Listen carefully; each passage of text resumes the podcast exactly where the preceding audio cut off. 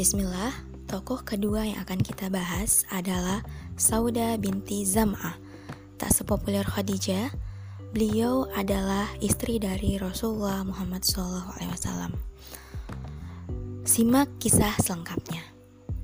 Saudah binti Zam'ah, muhajirah istri dari seorang muhajir.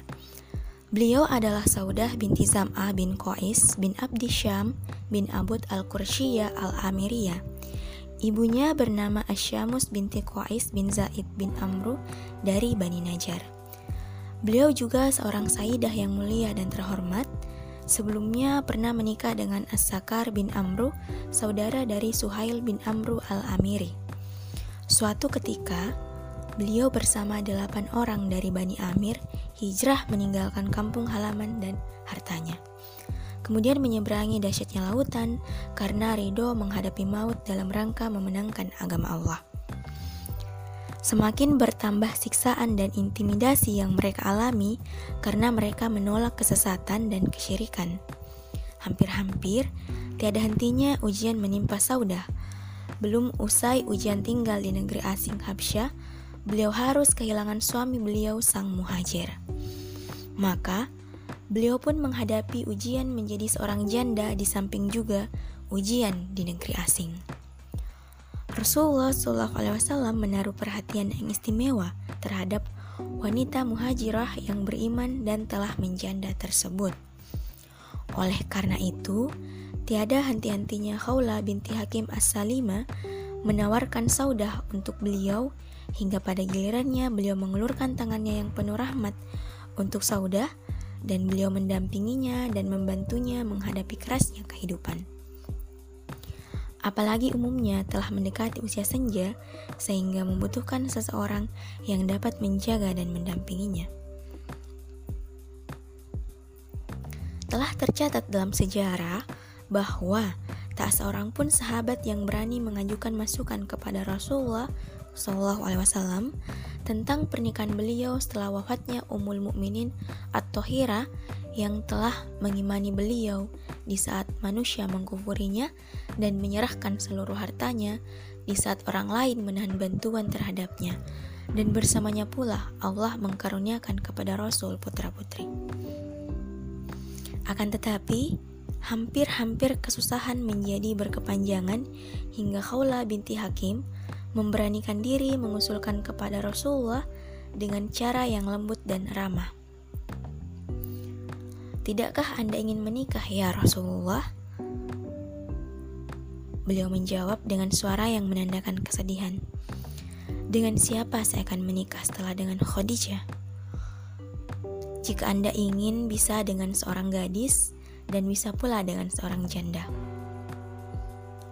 Jika dengan seorang gadis, siapakah gadis tersebut? Sahut Rasulullah. Putri dari orang yang paling Anda cintai, yakni Aisyah binti Abu Bakar. Setelah beliau diam untuk beberapa saat kemudian bertanya, "Jika dengan seorang janda?" Dia adalah Sauda binti Zam'ah, seorang wanita yang telah beriman kepada Anda dan mengikuti apa yang Anda bawa. Beliau menginginkan Aisyah akan tetapi terlebih dahulu beliau nikahi Sauda binti Zam'ah yang mana dia menjadi satu-satunya istri beliau setelah wafatnya Khadijah selama tiga tahun atau lebih baru kemudian masuklah Aisyah dalam rumah tangga Rasulullah SAW.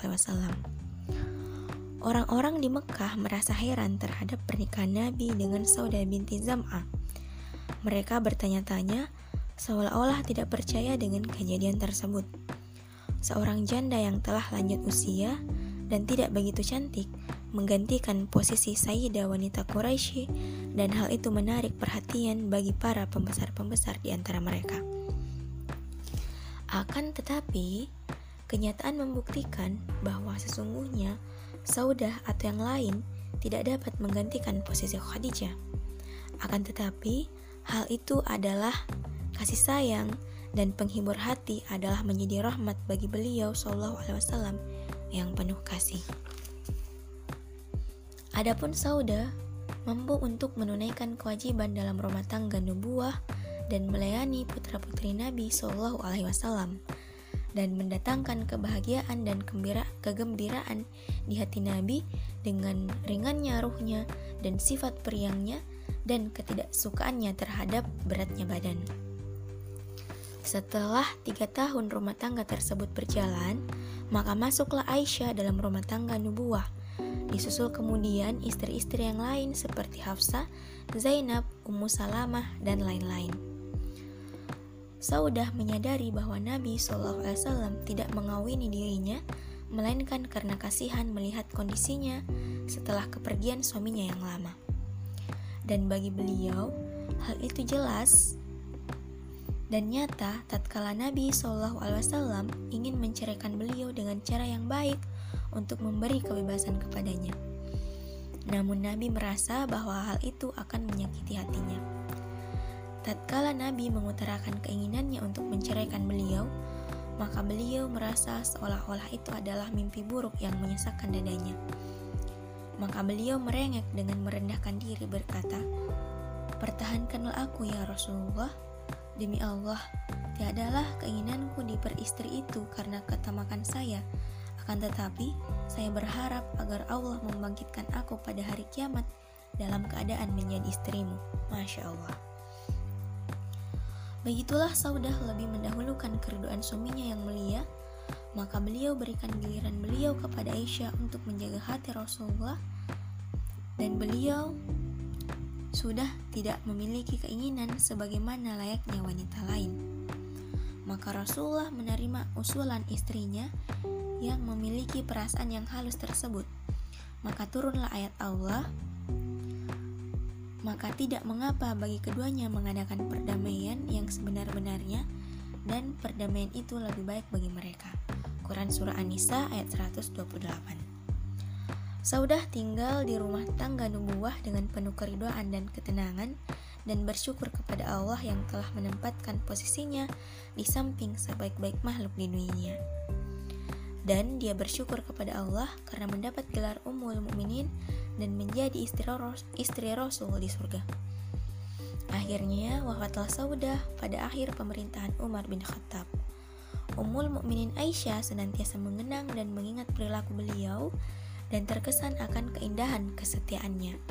Aisyah berkata, Tiada seorang wanita pun yang paling aku sukai agar aku memiliki sifat seperti dia melebihi Saudah binti Zam'ah tatkala berusia senja yang mana dia berkata Ya Rasulullah, aku hadiahkan kunjungan Anda kepadaku untuk Aisyah. Hanya saja beliau berwatak keras. Itulah kisah singkat mengenai Zaudah binti Sam'ah, istri kedua Rasulullah setelah wafatnya Khadijah. Semoga kita bisa mengambil ibroh dari kisah singkat ini. Sampai jumpa di podcast berikutnya. Wassalamualaikum warahmatullahi wabarakatuh.